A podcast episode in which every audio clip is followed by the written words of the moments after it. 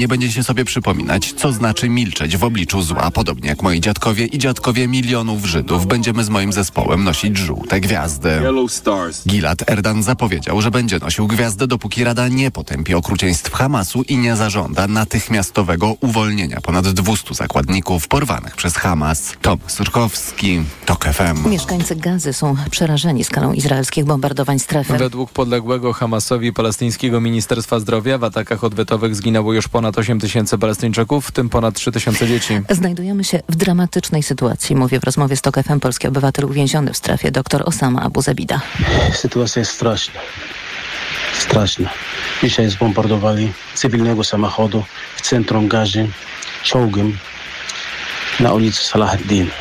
Mimo naszych apelów Niestety aż do tego momentu nie widzimy jakąś szansę na ewakuację. Nie wiemy dlaczego. Z informacji, do jakich dotarło TOK FM wynika, że w strefie gazy przebywa obecnie około 35 Polaków, 18 z nich to dzieci. Ministerstwo Spraw Zagranicznych przekazało nam, że ich ewakuacja jest niemożliwa. Władze Izraela ogłosiły oblężenie strefy gazy 7 października w odpowiedzi na brutalny atak kontrolującej to terytorium palestyńskiej organizacji Hamas. Zginęło w nim ponad 1400 Izraelczyków, a ponad 200 osób zostało uprowadzonych. Na Warszawskim Uniwersytecie Medycznym nie ma miejsca na jakiekolwiek formy mowy nienawiści. Tak napisał rektor uczelni, profesor Zbigniew Gaciąg, w liście rozesłanym do redakcji, odpowiadając na zarzuty o bierność wobec studentki z Norwegii, która 10 dni temu na propalestyńskiej demonstracji w stolicy niosła antysemicki baner. Rektor zapewnia, że uczelnia powiadomiła o sprawie policji, a studentka została wezwana do rektora, a następnie zawieszona. Jednocześnie Muzeum Żydowskie w Oslo zaprosiło kobietę na spacer śladami żydowskich mieszkańców miasta. Tomasz Węsk. Baner, który niosła studentka, obraz izraelskiej flagi w koszu na śmieci, a nad nim napis Keep the World Clean, czyli utrzymaj świat w czystości, poruszył Mieszka Czarneckiego, autora bloga z drugiej strony fiordu. Pomyślałem, jak to jest możliwe, że 90 lat po tym, jak naziści doszli do władzy w Niemczech, jakiejkolwiek Europejce czy Europejczykowi hasło białej supremacji może przyjść do głowy. Bloger skontaktował się z Żydowskim Muzeum w Oslo, które zgodziło się zorganizować dla studentki spacer po stolicy Norwegii śladami Żydów. Ponieważ wygląda na to, że pani Andersen nie ma elementarnej świadomości historycznej, że 96% norweskich Żydów w myśl tych haseł, które ona trzymała na swojej planszy, zginęło w obozie koncentracyjnym w Auschwitz. Zaproszenie dla studentki zgodził się przekazać Warszawski Uniwersytet Medyczny. Na jego przyjęcie młoda kobieta ma czas do połowy listopada. Tomasz Fęskę, TOK FM. Kolejne informacje o 7.20. Już za chwilę na poranek Radia TOK FM zaprosi Państwa Jan Wrubel. Teraz jeszcze prognoza pogody.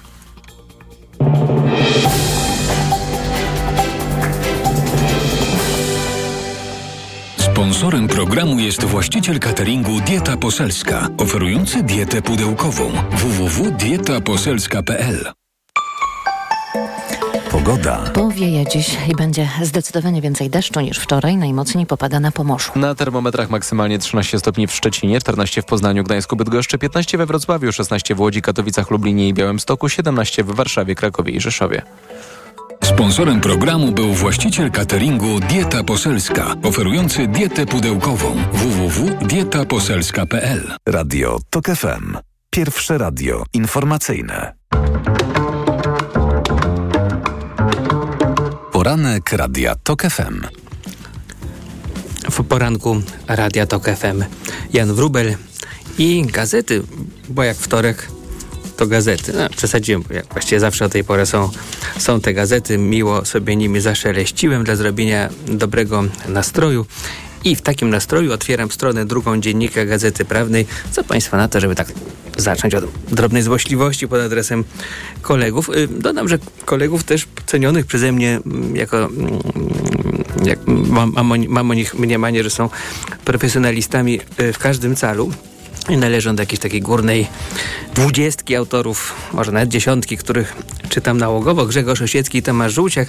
No ale jakże się nie śmiać, kiedy na koniec ich ciekawego artykułu unijne No Pasaran Andrzeja Dudy e, czytam taką oto wypowiedź. Andrzej Duda nie ma narzędzi, by egzekwować funkcjonowanie ustawy. To wykraczałoby poza kompetencje konstytucyjne prezydenta. No i tekst jak tekst, tu się jeszcze nie należało śmiać. Ale podpis jest taki. Mówi nam polityk PO.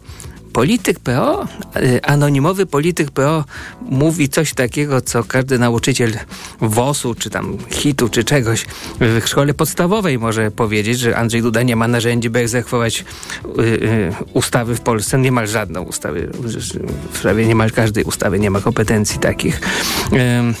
Dodaje również anonimowo, posłuchajcie Państwo, Andrzej Duda może być piątkiem Kaczyńskiego, ale być może nie ma już na to ochoty. No to dopiero głęboka analiza, mm, że prezydent albo ma ochotę, albo, mm, albo nie ma ochoty. I to wszystko tak jest tajne przez poufne, że rozmówca z PO no, nie ujawnia swego nawet swoich personaliów. To chyba należało zrezygnować z tej mm, mm, cokolwiek mało wnoszącej wypowiedzi.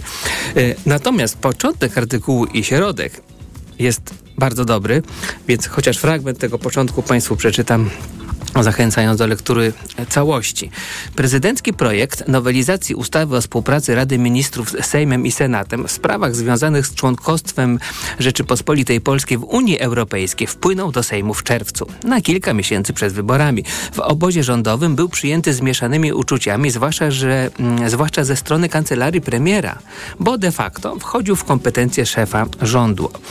Kampania wyborcza i sondaże pokazywały, że nawet jeśli PiS wygra, to szanse na samodzielne rządy nie są duże, a można się liczyć także z wariantem, w którym rządzi opozycja. No na to właśnie się zanosi. Ostatecznie ustawę na początku września podpisał prezydent i weszła ona w życie. Projekt od początku budził kontrowersje i był traktowany jako zabezpieczenie na wypadek przegranej PiS. Przeciwnicy zarzucali mu niekonstytucyjność. Ustawa dotyczy trzech obszarów. Po pierwsze, jeśli chodzi o rutynowe relacje z Unią Europejską, przewiduje, że do prezydenta mają trafiać wszelkie dokumenty Unii, związane ze stanowiskami państwa na unijne szczyty. Rząd ma przesyłać do prezydenta swoją ocenę tych dokumentów i własną ocenę. Prezydent może do niego przedstawić swoje stanowisko. Jeśli to zrobi, jego przedstawiciel może brać udział w posiedzeniu rządu, który ma zatwierdzić ostateczną wersję.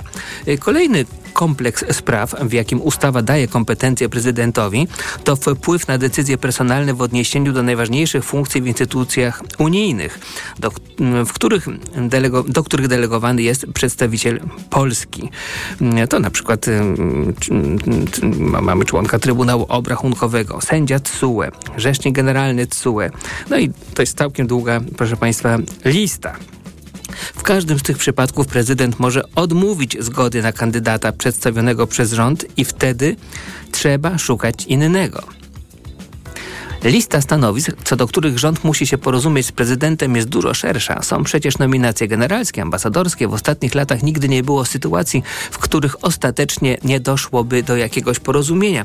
I zakładamy, że na gruncie stanowisk unijnych współpraca będzie układa się podobnie, podkreśla prezydencka minister Małgorzata Paprocka, ale nasz rozmówca z obozu władzy nie ma wątpliwości, że w momencie kohabit kohabitacji czy kohabitacji będzie to pole do konfliktów. No wydaje się, że Grzegorz Osiecki i Tomasz Żółciak również tak myślą i, i, szczerze mówiąc trudno nie przyznać im racji, że ktoś z Państwa ma wątpliwości albo chciałby się dowiedzieć mm, co to będzie, co to będzie między prezydentem a nowym rządem mm, w sprawach unijnych, a ileż jest tych spraw unijnych bardzo dużo, to w Dzienniku Gazecie Prawnej przeczyta szczegóły. A my tak sekundkę o odchodzeniu, bo wiecie, że trzeba kochać ludzi, tak szybko odchodzą. Tak odchodzą też nie, nie zawsze ci kochani, bo na przykład powiedzmy, wybory też powodują, że ktoś odchodzi i, i nie jest kochany przez wszystkich. Dlaczego nie możemy rozsypywać prochów? Zajmuje się ga dzisiaj Gazeta Wyborcza tym problemem i artykuł ciekawy Marii Bielickiej jest opatrzony licznymi infografikami, które same w sobie są y, intrygujące i warte tego, żeby je mieć przed nosem. Akceptacja, alternatywnych form pochówku w Polsce to jedna z tych y, y, tabelek. Mm, no wynika, że po prostu tak mniej więcej pół na pół jest akceptacja dla różnych form, a najmniejsza jest dla przechowywania w domu prochów zmarłych, bo popieram 35%, nie popieram 57% y, oraz rozsypywania na cmentarzu prochów osób zmarłych. Tutaj 35% popieram, 58% nie opieram. W innej tabelce możliwość rozsypania prochów poza cmentarzami, tak czy nie. No, mm, jeśli chodzi o kobiety w Polsce, 36% popiera, a 57% nie popiera. Wśród mężczyzn 44% popiera, a 50% nie popiera. Mm, I mógł sobie ktoś pomyśleć, że po prostu w ogóle starsi będą wiadomo jacy, a młodsi wiadomo e, śmacy. I by się tutaj rozczarował lub przynajmniej zaskoczył, dlatego że e, czytamy rubrykę wiek. 50% Polaków w wieku 40-49 lat popiera możliwość rozsypania prochów poza cmentarzami, a 45% nie popiera. E, I to jest jedyna grupa wiekowa, w której więcej osób popiera niż nie popiera.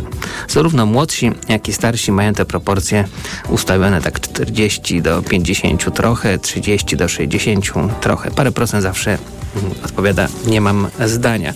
Y, ciekawy infografik i ciekawy artykuł w sprawie, która no, nie jest marginalna. To też z artykułu sądząc jest coraz większe mm, zapotrzebowanie na to, żeby, żeby po pierwsze chować w urnach, a po drugie, żeby brać urnę do domu.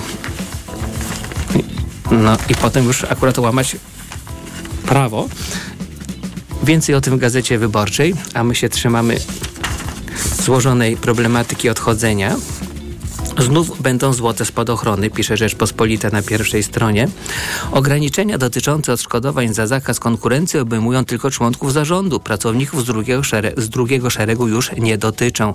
Zmiany kadrowe w spółkach Skarbu Państwa, pisze Paulina Szewioła, to stały temat po wyborczych dyskusji. Szczególnie, że na polskiej scenie politycznej szykuje się nowe rozdanie. Takie osoby na pewno nie odejdą jednak z pustymi rękami. Członkowie zarządu przez maksymalnie 6 miesięcy po odejściu ze stanowiska będą mogli pobierać wypłaty, no, w nawiasie mamy napisane do 100% podstawy wynagrodzenia, za sprawą klauzuli o zakazie konkurencji. Ograniczenia co do wysokości wypłaty i czasu jej pobierania zawiera tzw. Tak ustawa kominowa. Mm, I trochę się martwi autorka, że problem w, w tym, że jej regulacje tej ustawy kominowej nie mają zastosowania do osób zatrudnionych na niższych stanowiskach. Władza nasza najdroższa to komentarz Cezarego Szymanka z tejże Rzeczpospolitej. Mm, PiS zostawia następcom państwo hojnie rozdające pieniądze, zwłaszcza swoim. Nowy rząd będzie musiał y, ciąć wydatki. Mm, tak, ale, no ale te, które są y, ustawowo zagwarantowane, na przykład w ustawie kominowej, to cięte tak nie będą. No, nie, nie ma tutaj wielkich złudzeń, a zatem no, odejść to nie znaczy zawsze to samo. Dużo o odchodzeniu jest w tygodniku do rzeczy i to odchodzeniu politycznym. Przyszedł, y, przyszedł czas na praktyczne wypróbowanie testu Warzechy, pisze Łukasz Warzecha skromnie. Ta próba może być dla Prawa i Sprawiedliwości bardzo bolesna. Fragment artykułu redaktora tygodnika do rzeczy. Y, są sprawy, do których zgoda prezydenta potrzebna nie będzie. Do takich należy choćby wykorzystywanie potężnego aparatu inwigilacji i wszystkich służb, które PiS w te kompetencje wyposażył. A warto zwrócić uwagę, że w swoich programach żadna z partii obejmujących władzę nie zajęła się odwróceniem tendencji do ograniczenia prywatności obywateli i sprawą uprawnień do inwigilacji. Tymczasem PiS wyposażył w nowe uprawnienia m.in. Służbę Ochrony Państwa oraz Służbę Celno-Skarbową. Jednocześnie E, stworzony ustawą z porządku 2016 roku system kontroli nad częścią mechanizmu inwigilacji jest całkowicie fikcyjny. PiS zadbał o takie uprawnienia e, tego procesu, że dziś uprawnione, usprawnienie tego procesu, że dziś uprawnione instytucje mają do tych danych dostęp bezpośredni. E, liczba takich działań w 2021 roku była niemal identyczna jak 10 lat wcześniej, kiedy z tego powodu PiS ostro krytykował Platformę. Wynosiła ponad ponad 1 800 tysięcy y, przypadków. Łatwo będzie też z wieloma instytucjami, które PiS masowo powoływał, często umieszczając w nazwie słowo narodowy. Wiele z nich istnieje na podstawie ministerialnych zarządzeń i mogą zniknąć na drugi dzień po zmianie na stanowisku szefa resortu. Tak jest chociażby z Instytutem Dziedzictwa Myśli Narodowej imienia Romana Dmowskiego i Ignacego Jana Paderewskiego, kierowanym przez profesora Jana Żaryna. Dlaczego Instytutu nie powołano specjalną ustawą? To proste. Taka instytucja funkcjonująca na podstawie ustawy staje się bardziej niezależna, a tu nie chodziło o niezależność, lecz wręcz przeciwnie, o maksymalnym uzależnienie. Bo to jest taka jeszcze lista zrobiona przez Łukasza Warzechy innych instytucji, której może być bardzo łatwo powodować odejścia. Mówiłem Państwu w zeszłym tygodniu, że w zeszłym tygodniu w Tygodniku do Rzeczy były cztery artykuły rozliczające PiS za to, że przegrał, ale nigdy dosyć grzebania w mrowisku kijem. Pycha, zaślepienie i upadek. Tak, to jest tytuł do rzeczy i dotyczy on przyczyn porażki Prawa i Sprawiedliwości. Autorem jest Jan Fiedorczuk. To już czas mi się kończy, żeby trochę wzmacniać, a trochę polemizować tezy autora no, są takie, że były różne środowiska, na przykład tak sceptyczne w sprawie pomocy Ukrainy, czy, nie, czy sceptyczne wobec, wobec e, sanitaryzmu szczepionkowego. E, no i one zostały pogubione, no, no prawda, one zostały pogubione pogubione rozmaitych szurów prorosyjskich czy antyszczepionkowych, no ale za to nie zgubiono tych, tych normalnych wyborców PiSu, więc mm, e, no więc można by dalej pięknie i interesujący sposób dyskutować. Na koniec Gazeta Polska codziennie wszystkich świętych przypomina, że zostaliśmy powołani do nieśmiertelności. Piękny tytuł, duchowy, a, no bo nie myślę Państwo, że on dotyczy Prawa i Sprawiedliwości.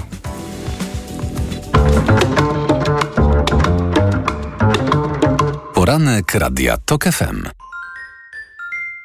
Ekonomia to dla Ciebie czarna magia. Masz kapitał i nie wiesz jak go zainwestować? Gubisz się w pomysłach polityków na gospodarkę? Magazyn EKG w TOK FM. Wyjaśniamy, informujemy i podpowiadamy. Od poniedziałku do piątku, po dziewiątej. Sponsorem programu jest Moderna Holding, oferująca apartamenty Skala w Śródmieściu Gdańska. www.moderna.pl Reklama RTV Euro AGD. Rewelacja! Teraz w euro. Aż pół roku nie płacisz. Do 40 lat 0% na cały asortyment. RRSO 0%. Promocja do 14 listopada. Szczegóły i regulamin w sklepach i na euro.com.pl Porozmawiajmy o zakładaniu firmy. Jest z nami Radek Kotarski. Panie Radku, czy zna pan słowo infakt? Oczywiście, że tak. Co to znaczy infaktować? Infaktować to prowadzić firmę bez zmartwień. A ten, kto infaktuje? Ten wystawia faktury w aplikacji aplikacji Infakt, a księgowy z Infaktu dba o porządek w księgowości. Infaktycznie. Załóż firmę bezpłatnie i bez wychodzenia z domu na infakt.pl. Infakt. Zakładanie firm i księgowość w jednym miejscu. Polecamy. Wodek Markowicz i Radek Kotarski. Reklama. Radio TOK FM. Pierwsze radio informacyjne. Informacje TOK FM.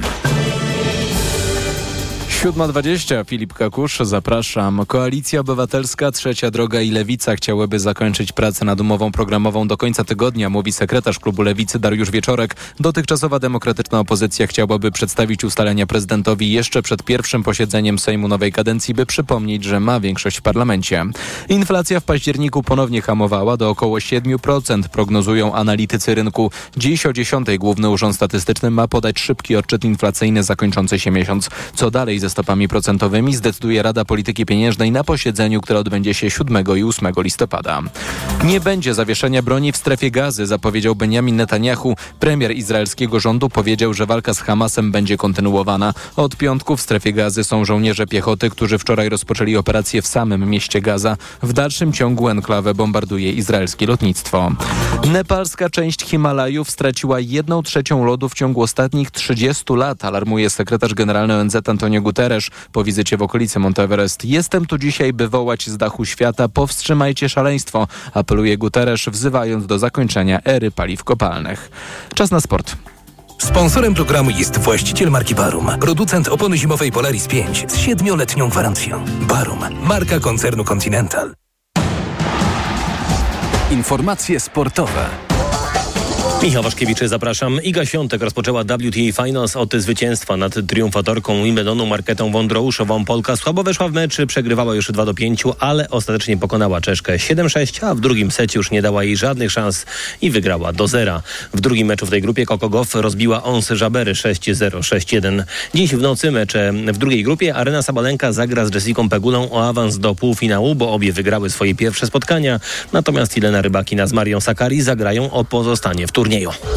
Leo Messi po raz ósmy otrzymał złotą piłkę w plebiscycie magazynu France Football. Argentyńczyk wyprzedził Erlinga Halanda, który otrzymał z kolei nagrodę Gerda Millera dla najlepszego strzelca, a trzeci był Kylian Mbappé. Robert Lewandowski zajął 12 miejsce. Najlepszym bramkarzem minionego sezonu został Argentyńczyk Emiliano Martinez. Nagrodę dla najlepszej piłkarki po raz pierwszy w karierze wywalczyła za to Hiszpanka Aitana Bonmati. No. Jak długo marzyłam o tym momencie? Myślę, że nigdy to cały czas brzmi dla mnie jak sen. Pamiętam, kiedy byłam młodsza i widziałam Messiego odbierającego y, złotą piłkę, to wydawało się tak odległe, y, coś, co nie może się y, wydarzyć w mojej karierze. A jednak i to sprawia, że jestem dumna. Bon Mati z Hiszpanią sięgnęła po Mistrzostwo Świata, a z Barceloną wygrała Ligę Mistrzów. Ewa Pajor w głosowaniu zajęła 18 miejsce. Tymczasem były prezes Hiszpańskiej Federacji Piłki Nożnej Luis Rubiales został ukarany przez FIFA trzyletnim zakazem pracy w instytucjach związanych z futbolem. Decyzja ma związek ze skandalem wywołanym pocałowaniem w usta przez tego działacza na sierpniowym mundialu kobiet hiszpańskiej zawodniczki Jennifer Hermosa. 14 tysięcy kibiców obejrzy dziś w Bydgoszczy mecz 1-16 finału Pucharu Polski pomiędzy trzecioligowym Zawiszą a Lechem Poznań. Zespół Johna Vandenbroma będzie wspierać aż 4 tysiące fanów z Wielkopolski. Dziś także mecze Termali Kinieciecza z Piastem Gliwice czy Zagłębia Sosnowiec z Górnikiem Zabrze. Legia Warszawa, która przegrała 5 z ostatnich 6 meczów, o poprawę nastroju zagra w czwartek na, wyjeździe, na wyjeździe z GKS-em Tychy. Wtedy też dwa najciekawsze mecze drugiej rundy. Krakowia zagra z Zagłębiem Lubin, a ŁKS Łódź z Rakowem Częstochowa. A za chwilę prognoza pogody. Sponsorem programu był właściciel marki Barum, producent opony zimowej Polaris 5 z 7-letnią gwarancją. Barum, marka koncernu Continental. Sponsorem programu jest właściciel spa Bali High w hotelu Dolina Charlotte. Wyłączny przedstawiciel w Polsce Stowarzyszenia Balijskich Spa. Pogoda. Chmury dziś nad całą Polską, niemal wszędzie może pokropić, będzie też wietrznie, na termometrach e, przeważnie od 14 do 18 stopni. Noc już chłodna, temperatury spadną do 5-8 stopni, będzie deszczowo. Jutro ponownie przewaga słońca, ale wyraźnie chłodniej niż dziś. Sponsorem programu był właściciel spa Bali High w hotelu Dolina Charlotte. Wyłączny przedstawiciel w Polsce Stowarzyszenia Balijskich Spa. Radio TOK FM.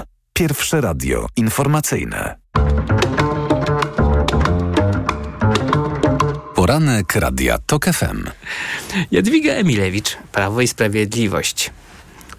Dzień dobry panie redaktorze, dzień dobry państwu. Jeszcze posłanka klubu parlamentarnego Jeszcze PiS, ale tak. niestety już niedługo. Tak miało być. Mówię niestety między innymi dlatego, że była pani jedną z nie, nielicznych, proszę wybaczyć wyrażenie, osób z PiS, które przychodziły do Radia Tok FM, nawet w czasach, kiedy już mało kto od państwa to robił. Więc z tego punktu widzenia Wychodzę z założenia, że warto rozmawiać, nawet w bardzo wrogim środowisku. Jest szansa na to, że przekaz właściwy, mój, zostanie usłyszany. w profesjonalnym środowisku. Pani taką podmiankę słowa wrogie. Dobrze, Szok. to- Wiśniewski skazany na półtora roku więzienia. Chodzi o Michała Wiśniewskiego i chodzi o wyłudzenie, mm, no, mm, tak sąd stwierdził, e, prawie 3 milionów złotych ze skok Wołomin. No i jakby to powiedzieć, wszystko dobrze. Sądy powinny sądzić tak, jak chcą każdego. Mm. Znaczy sprawiedliwie powiedzmy. I najlepiej przy tym sprawiedliwie. To jest taki bonus. Sprawa dotyczy wydarzeń sprzed 17 lat. 17? To jakże się te sądy reformowali? No to powiem tak, że to bardzo przykre podsumowanie tak naprawdę, jeżeli to miałby być ostatni news związany za czasów naszych rządów, chociaż ciągle tutaj mm, zobaczymy, kto ostatecznie ten rząd sformułuje, ale jeżeli to miałoby być ostatnia wiadomość o wymiarze sprawiedliwości, to nie jest to dobra wiadomość, zwłaszcza dla reformatorów tego wymiaru sprawiedliwości, bo myślę, że kiedy przychodziliśmy do władzy w 2015 roku z reformą wymiaru sprawiedliwości na sztandarach i słusznie, przypomnijmy, bo jakość i s- tryb funkcjonowania wymiaru sprawiedliwości był ponadpartyjnie źle oceniany w Polsce wówczas. Nie tylko przez nas, ale też i statystyki europejskie wskazywały jasno, że w Polsce ten wymiar nie działa tak, jak powinien. No to jednym z postulatów było na pewno skrócenie em, postępowań. No, jeśli wyrok słuszny i sprawiedliwy zapada po 17 latach, no to znaczy, że, ten, że ta reforma się nie udała. Przy czym będzie jeszcze apelacja Michała Wiśniewskiego, więc niewykluczone, że kolejnych Czekają odstukać kolejne 17 lata. lat będziemy mieli tę telenowelę graną. Mm, Mm, wczoraj z kolei w Rzeczpospolitej na pierwszej stronie można było znaleźć przypomnienie sprawy, że no, taka um, inicjatorka i promotorka Amber Gold no, dostała w końcu wysoki wyrok. I nikt się, nie słyszałem, żeby ktoś ten wyrok podważał, ale dostała go po ponad sześciu latach pobytu w areszcie.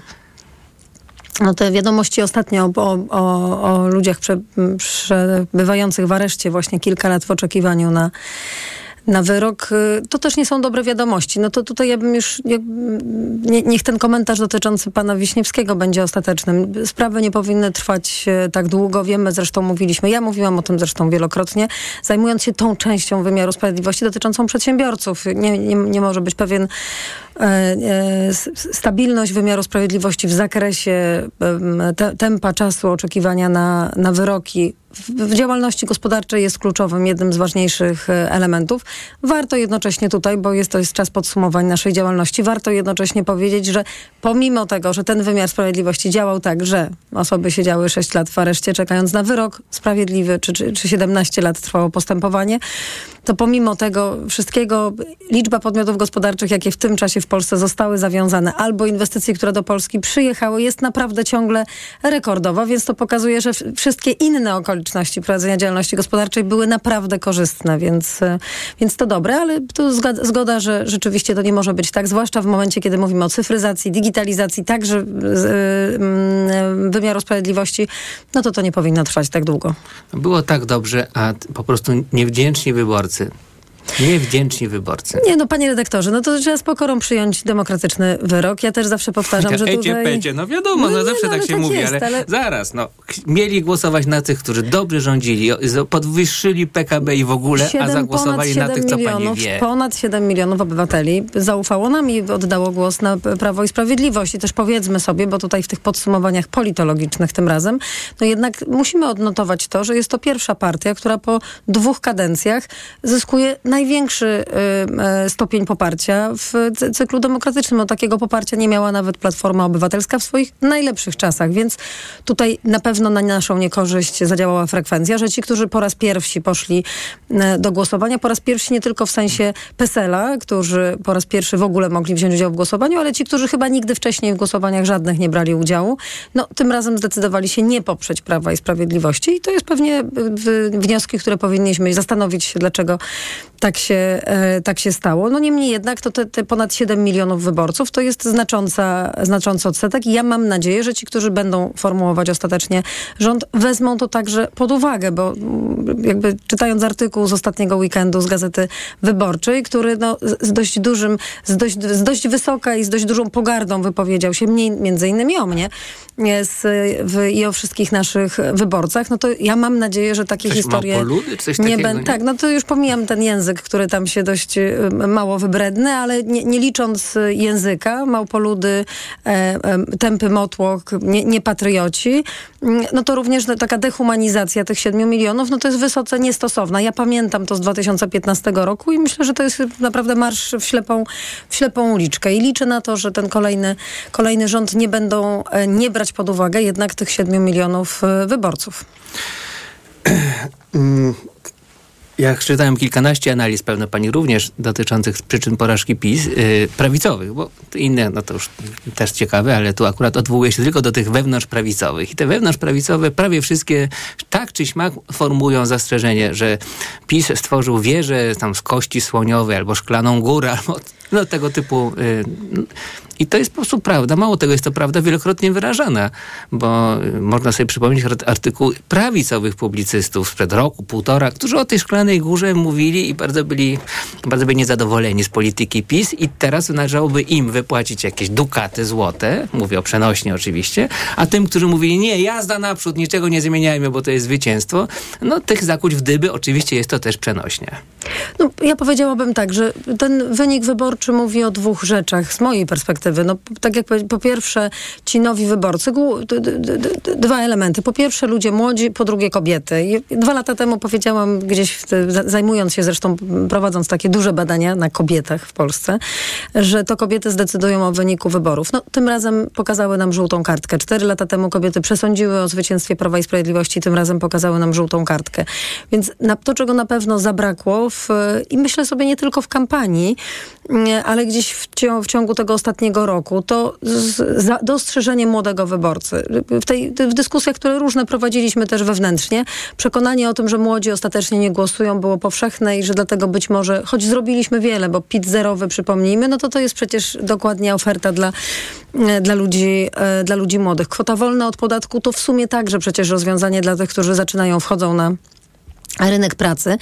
Więc to są te elementy, które niewątpliwie są korzystne i dobre, ale po pierwsze zabrakło mówienia o nich w kampanii wyborczej, ale też takiego, takiej uważności większej w, w polityce, zwłaszcza w ciągu ostatniego roku. No i drugi wątek, o którym też trudno nie, nie wspominać, no to są, to są kobiety, dla których też znowu, z mojej perspektywy osoby zajmującej się przez ponad 6 lat gospodarką w tym rządzie, e, wydarzyło się wiele korzystnych zmian, bo i praca zdalna wpisana, która no najpierw interwencyjnie w czasie pandemii, ale potem już na stałe do e, prawa pracy, jest rozwiązaniem bardzo prokobiecym, o czym, o czym wiemy. Wiele ulg związanych z działalnością gospodarczą na początku to także rozwiązanie, z której korzystają głównie e, kobiety. Pomijam kwestie związane z opieką nad dziećmi i z rodzinnym kapitałem opiekuńczym, z poszerzeniem bazy żłobkowo-przedszkolnej. No to też są niewątpliwie rozwiązania prokobiece. No ale tutaj zdajemy sobie sprawę, że bardzo mocno na, na tym wzmożeniu antypisowskim, które rozpoczęło się po wniosku do Trybunału Konstytucyjnego, które wydaje się było od tamtego czasu nie, nieodwracalne. Tutaj zabrakło chyba pewnej wrażliwości i zrozumienia tego, gdzie w istocie, kto w istocie na ulicach wtedy wtedy stanął przy pełnym i obronie stanowiska. Ja zawsze go zresztą wielokrotnie powtarzam, że, że obrona życia była zawsze e, wpisana w program obozu Zjednoczonej Prawicy. No tylko pytanie, w jaki sposób się ten, e, tę, tę agendę prowadzi. Chyłkiem, fortelem. Jak pan redaktor wie, o tym też mówiłam wielokrotnie, uważam, że te, tego typu, że jeżeli polityka jest o sprawach życia i śmierci i wtedy jest najistotniejszym elementem naszej działalności, to, to tutaj tego typu zmiany powinny być prowadzone w blasku słońca i w, i w Sejmie. Natomiast na pewno powinny być poprzedzone, nie można tak z zawęgła wychodzić z tak istotnymi zmianami regulacyjnymi, one powinny być poprzedzone innymi regulacjami, o których też wielokrotnie mówiłam.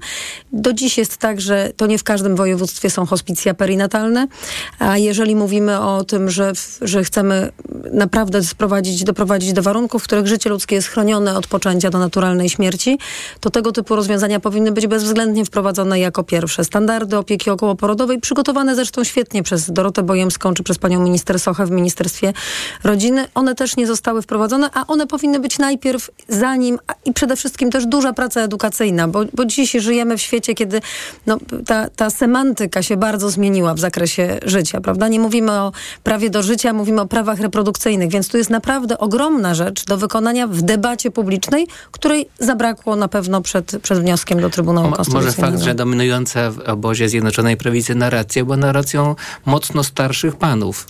Nieraz kawalerów starych.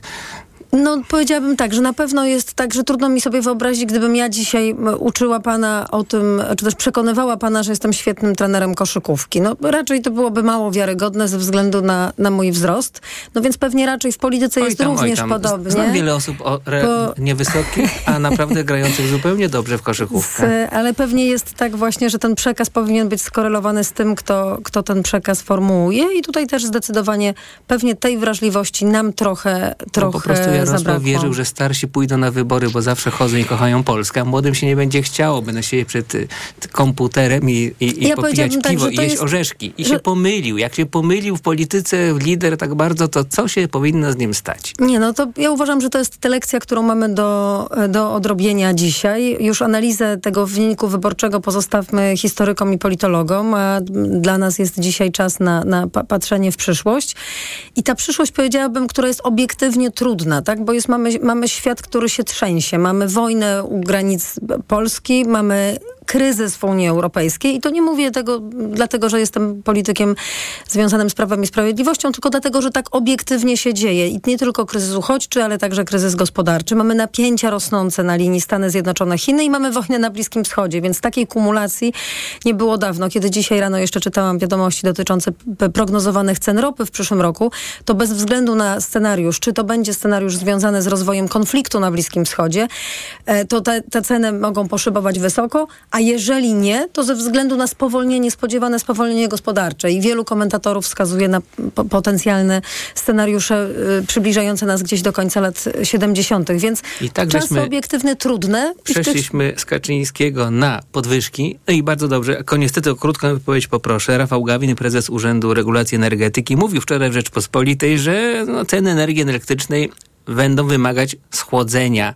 E, Do jutra jest chyba, czy do dzisiaj jest termin, w którym Tak, spółki, spółki energetyczne, składają tak nowe, wnioski prawda? taryfowe No i i, tak teraz? jest co roku i no, wiemy, że one na pewno, pamiętajmy, że w ubiegłym roku wnioski taryfowe były y, znacznie wyżej, wyższe niż ostateczne ceny energii, które płaciły gospodarstwa domowe ze względu na przyjęcie rozwiązania ustawowe, czyli zamrożenie cen energii, ten tak zwany tarcza solidarnościowa, zamrożenie cen energii na poziomie 2022 roku. No i teraz będzie piłka znowu pewnie po stronie legislatorów, bo to, że te ceny wzrosną, no wiemy jakie są ceny nośników energii elektrycznej, choć nie takie też powiedzmy jasno, jak, jak w ubiegłym roku, więc one pewnie będą nieco niższe niż te we wnioskach proponowanych jesienią ubiegłego roku.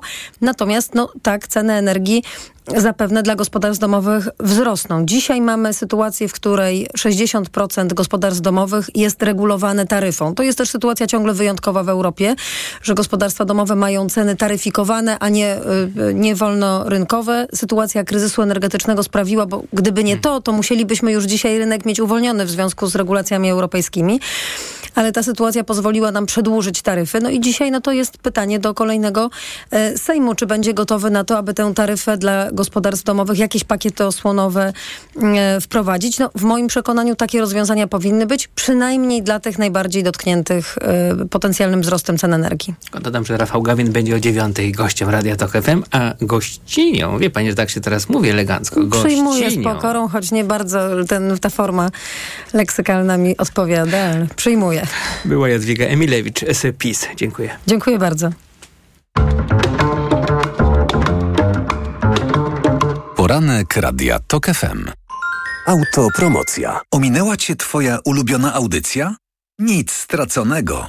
Dołącz do TOK FM Premium i zyskaj nielimitowany dostęp do wszystkich audycji TOK FM, aktualnych i archiwalnych. Słuchaj tego, co lubisz, zawsze gdy masz na to czas i ochotę. Dołącz do TOK FM Premium.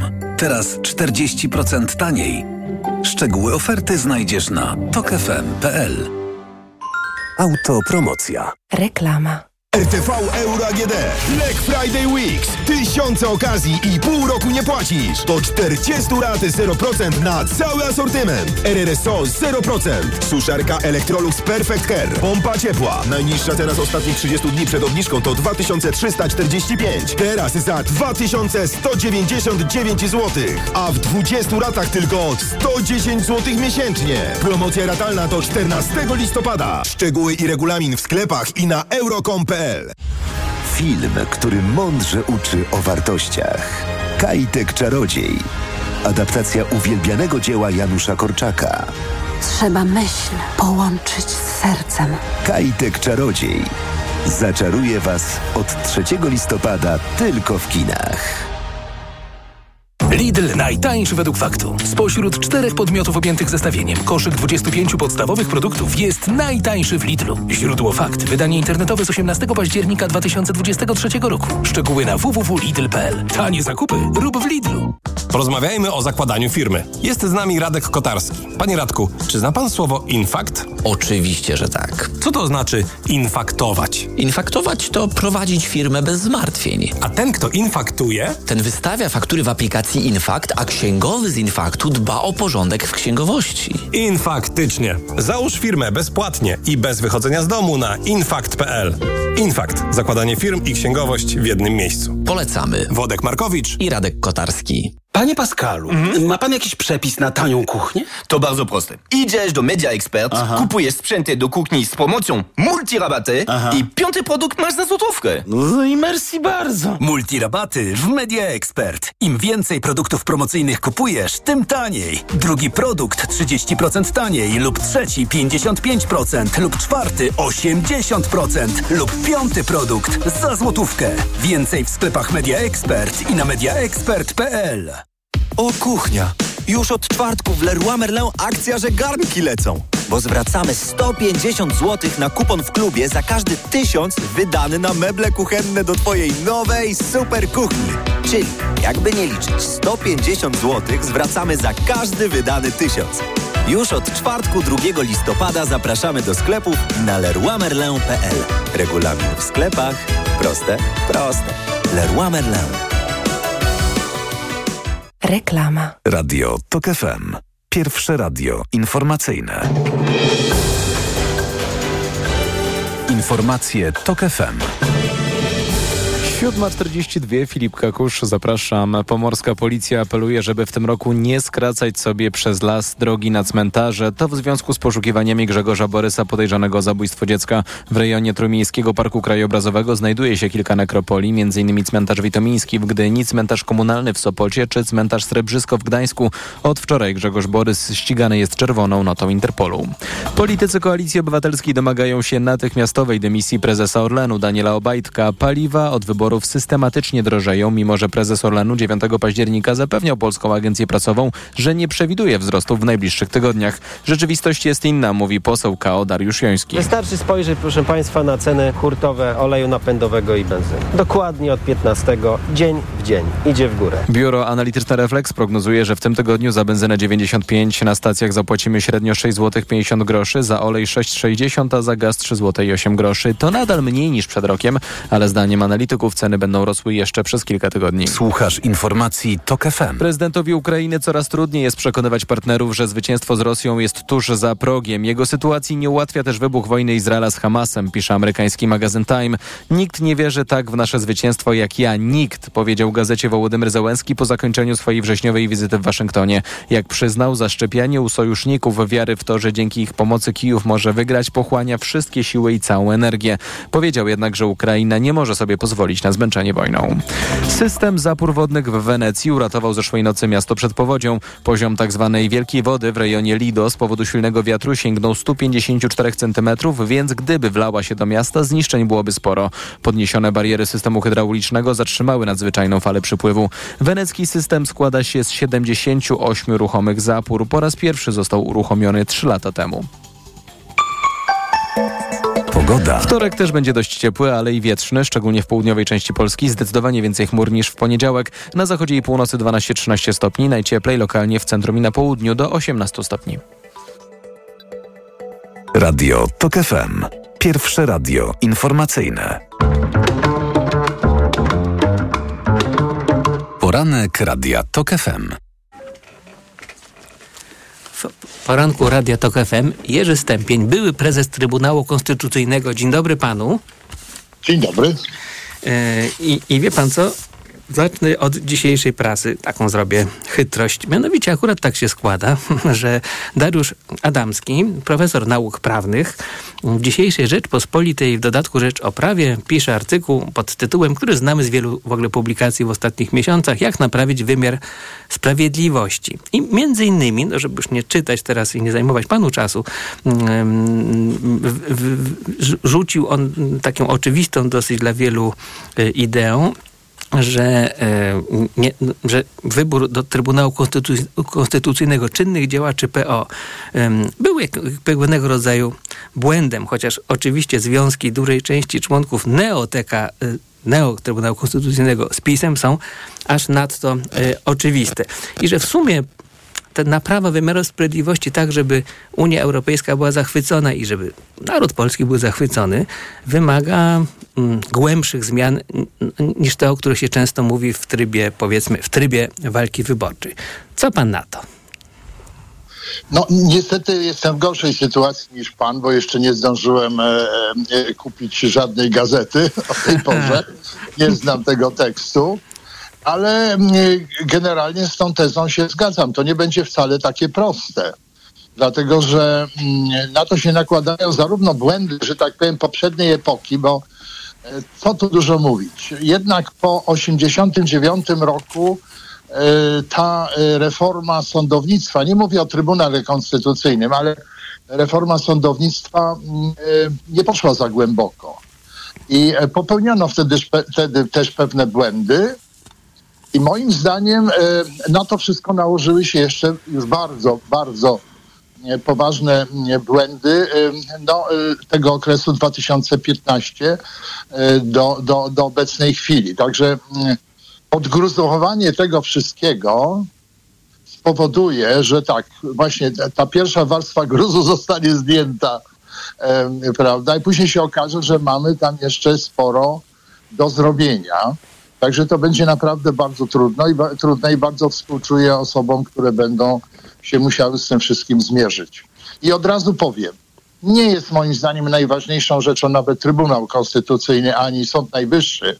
Oczywiście je też trzeba reformować, zmieniać i tak dalej, ale sądownictwo powszechne, bo przecież 90% spraw, które toczy, które są istotne dla obywateli, to są sprawy, które toczą się w sądach powszechnych, sądach rejonowych przede wszystkim i one tworzą obraz sądownictwa i, i z tym się musimy uporać. No, no mm, tak, tylko że zwolennicy zmian, ja myślę, że w ogóle w Polsce mało jest ludzi, którzy by nie powiedzieli o sobie, jestem zwolennikiem zmian w systemie wymiaru sprawiedliwości, prawda?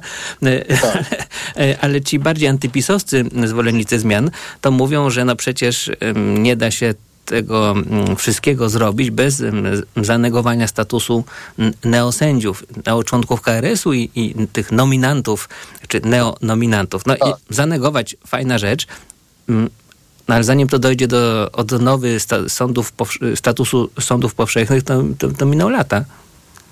Nie, nie. Moim zdaniem tu właśnie można bardzo wiele zrobić bez e, sięgania po ustawodawstwo, bo wszyscy jesteśmy. Trzecia Rzeczpospolita jest w ogóle dotknięta takim błędem generalnym, że jeśli cokolwiek chcemy zrobić w państwie, to musi to być ustawa. Prawda? I w związku z tym, aha, dopóki nie ma ustawy, to nic nie robimy, pracujemy nad ustawą, nowelizujemy ustawy, prawda? Natomiast życie się toczy, prawda? A, a mamy różne instrumenty, które możemy wykorzystać wcześniej. Na przykład w tym przypadku. No na przykład. E, wiadomo, że źle jest zorganizowany nadzór nad sądownictwem. On dawno już powinien wyemigrować e, z Ministerstwa Sprawiedliwości. Ja tutaj nawet mogę też powiedzieć, że Trybunał Konstytucyjny nie stanął na wysokości zadania w odpowiednim momencie, kiedy trzeba było zdecydować, czy ten nadzór ma pozostać w Ministerstwie Sprawiedliwości, czy gdzieś zostać wyprowadzony. Jeszcze na razie nie mówię gdzie. Nie zrobiliśmy tego. Teraz to trzeba zrobić. Na, robią na przykład sędziowie w Ministerstwie Sprawiedliwości, którzy tam pracują na stanowiskach urzędniczych. E, prawda? Mamy trójpodział władzy. W związku z tym sędzia nie powinien pracować w ministerstwie. To było dobre w PRL-u. Bo wszystko jedno, czy pracowałeś w prokuraturze, czy w sądzie, czy w ministerstwie, czy gdziekolwiek indziej. Natomiast dziś jak mamy trójpodział władzy, a ma, wydaje nam się, że on jest już jako tako ugruntowany, przynajmniej konstytucyjny, no to w takim razie ci sędziowie powinni orzekać. Oni notabene są delegowani za pieniądze sądownictwa powszechnego. To są najczęściej bardzo doświadczeni sędziowie, którzy znacznie bardziej by się przysłużyli właśnie w swoich macierzystych sądach. To można zrobić. Co można zrobić dalej? Bez ustawy. Można przede wszystkim odwołać prezesów sądów, e, którzy zostali powołani przez e, poprzedniego ministra sprawiedliwości z wyraźnym naruszeniem porządku prawnego. Prawda? I robiąc to, nie musimy wcale zmieniać ustaw. Wystarczy wykorzystać te instrumenty, które są. Można e, później powołać nowych prezesów w porozumieniu e, z sądownictwem. Można natychmiast zmienić rzeczników dyscyplinarnych, na przykład, którzy są największym złem w sądownictwie powszechnym. I takich rzeczy, co więcej, co z neosędziami? No neosędziowie e, w większości to są sędziowie, prawda, którzy awansowali, ale awansowali w niewłaściwym trybie. Moim zdaniem na podstawie tych e, ustaw, e, uchwał, przepraszam, Sądu Najwyższego połączonych IS, a także orzecznictwa Trybunału Sprawiedliwości Unii Europejskiej, Międzynarodowego Trybunału Praw Człowieka. Trzeba tych ludzi odsunąć po prostu od wykonywania zawodów sędziowskich na stanowiskach, które zostali w wyniku złych awansów i po prostu cofnąć ich do orzekania w, w trybie delegacji, co też jest instrumentem w rękach ministra sprawiedliwości e, i, i prezesów sądów do sądów, których wcześniej orzekali. Także można naprawdę bardzo dużo zrobić, nie czekając na ustawy. Ale oczywiście w trybie ustaw trzeba uporządkować sprawy Trybunału Konstytucyjnego, Sądu Najwyższego. Moim zdaniem dobry jest pomysł, żeby nadzór był pełniony przez Krajową Radę Sądownictwa, pod warunkiem, że ona będzie e, miała, e, spełniała wszystkie te kryteria konstytucyjne, o których oczywiście doskonale wszyscy wiedzą. Także bardzo dużo można zrobić. Ja uważam, że trze, trzeba zrobić to szybko, e, jednocześnie pracując nad ustawami. Mm, ośmielę y, się y, mm, imputować, że nowy minister sprawiedliwości, jeśli pójdzie za pana wskazówkami, nie będzie bardzo popularny w środowisku sędziowskim. O, o, nie, dlaczego? Nie, wydaje mi się, że właśnie będzie bardzo popularny, dlatego że z tego, co, jak ja się orientuję, ja mam bardzo wiele, że tak powiem, znajomości w sądownictwie powszechnym, no to jest powszechne oburzenie na tych neosędziów. Im się nie podaje ręki, ich, ich się omija, na przykład w Sądzie Najwyższym. Sędziowie odmawiają orzekania z nimi. Jednocześnie wszyscy przyzwoici sędziowie mówią, no byłoby skandalem, gdyby oni nie ponieśli za te swoje kroki jawnie naruszające konstytucję, bo przecież wiedzieli, co się stało w naszym państwie po 2015 roku, jak łamano konstytucję, jak, tworzy, jak zlikwidowano, że tak powiem, niezależność Krajowej Rady Sądownictwa, jak skrócono kadencję wszystkich sędziów Krajowej Rady Sądownictwa, tej poprzedniej.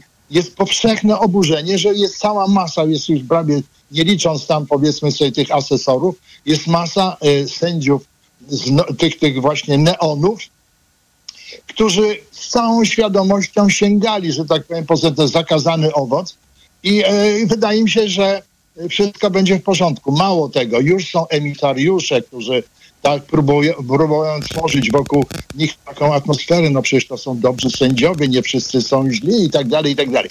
Nie.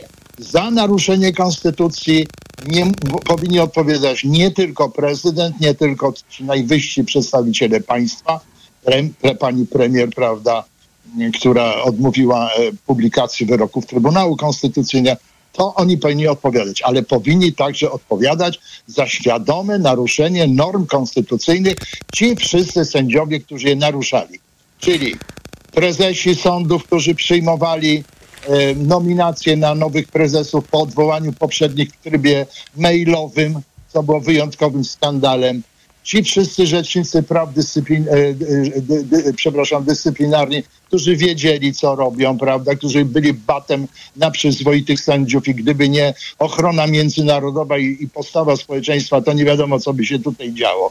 Ci wszyscy, którzy właśnie korzystali z tego wszystkiego, oni powinni ponieść nie chcę powiedzieć karę, ale jakąś odpowiedzialność, prawda? I taką odpowiedzialność nie wyrzucamy ich z zawodu. Możecie nadal pracować, ale na tych miejscach, które wcześniej legalnie, przyzwoicie zdobyliście. Natomiast mamy podstawy prawne, żeby was odsunąć dzisiaj od orzekania. Mm, w tych ostatnich latach mieliśmy taką, no wiele rozmaitego typu paradoksów i nie wszystkie są wygodne dla, dla strony, która, która wygrała teraz wybory. Mam na myśli na przykład takie taką decyzję sądu rejonowego y, y, w Bydgoszczy, jeśli dobrze pamiętam. Tam był, był taki sędzia y, K. Miał on mm, sprawę, no, był oskarżony o po prostu naruszenie nietykalności cielesnej koleżanki w sądzie. No i to była mm, gruba i nieprzyjemna sprawa. Nie, nie umorzono tego postępowania, nie podnoszono kwestii, że że w tym składzie orzekającym sądzie była osoba, która mm, no, jest tego nowego nadania, a na przykład w sprawie prokuratora Z, to ta akurat bardzo głośna sprawa, korzyść majątkową przy, miał przyjąć około miliona złotych, był skarżony przez prokuraturę i um, umorzono postępowania wobec niego, ponieważ w, w, Izba Dyscyplinarna Sądu Najwyższego nie, nieskutecznie uchyliła mu immunitet, no nieskutecznie, bo była tam, był ten niewłaściwy sposób nominacji sędziów tej Izby. Samo środowisko sędziowskie wydaje mi się po prostu nie jest aż tak jedno jednoznaczne, jakby to wynikało z dotychczasowej naszej rozmowy, panie profesorze. Mm, też nie jest tak, że zachowuje się z taką żelazną jednolitością.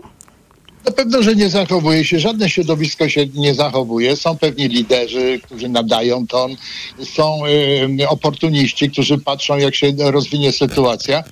Y, Ale y, w gruncie rzeczy większość doskonale dos zdaje sobie z tego sprawę, y, jaka jest sytuacja. I oczywiście w każdym indywidualnym przypadku mogą być jakieś, nie chcę się wypowiadać w sprawach tych sędziów, o których tutaj była mowa, czy neosędziów, nie wiem, to jest sprawa zupełnie indywidualnych rozstrzygnięć. Natomiast e, miejmy świadomość, e, co zostało tutaj zrobione i że nie, nie można do, dojść do, pójść, do, pójść do porządku dziennego na tym, co było. Między innymi błąd. Wie pan, błąd 89 roku. Mogę tutaj bić się w piersi, byłem wtedy senatorem. Inna sprawa, że ja się głównie skupiłem na sprawach samorządu terytorialnego i wydawało mi się, że moi starsi koledzy, e, sędziowie, adwokaci, którzy tam byli w tym, e, w tym wtedy Senacie czy Parlamencie, lepiej poprowadzą te sprawy. No, ale pewne błędy zostały popełnione. Jakie? Mianowicie takie, że zajęto się właśnie Sądem Najwyższym. Wymieniono właściwie cały jego skład. Ale prawdę mówiąc, nic nie zrobiono w sprawie sądów powszechnych. Oczywiście została powołana Krajowa Rada Sądownictwa e, i zrobiono to dobrze.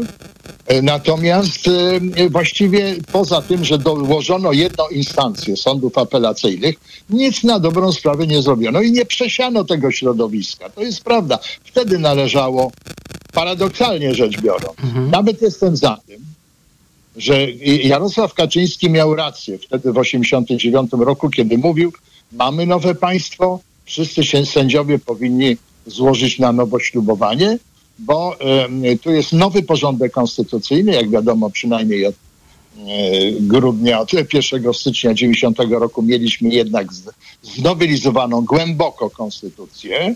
To już nie była tego rodzaju konstytucja stalinowska, ona tylko miała datę tą z 52 roku,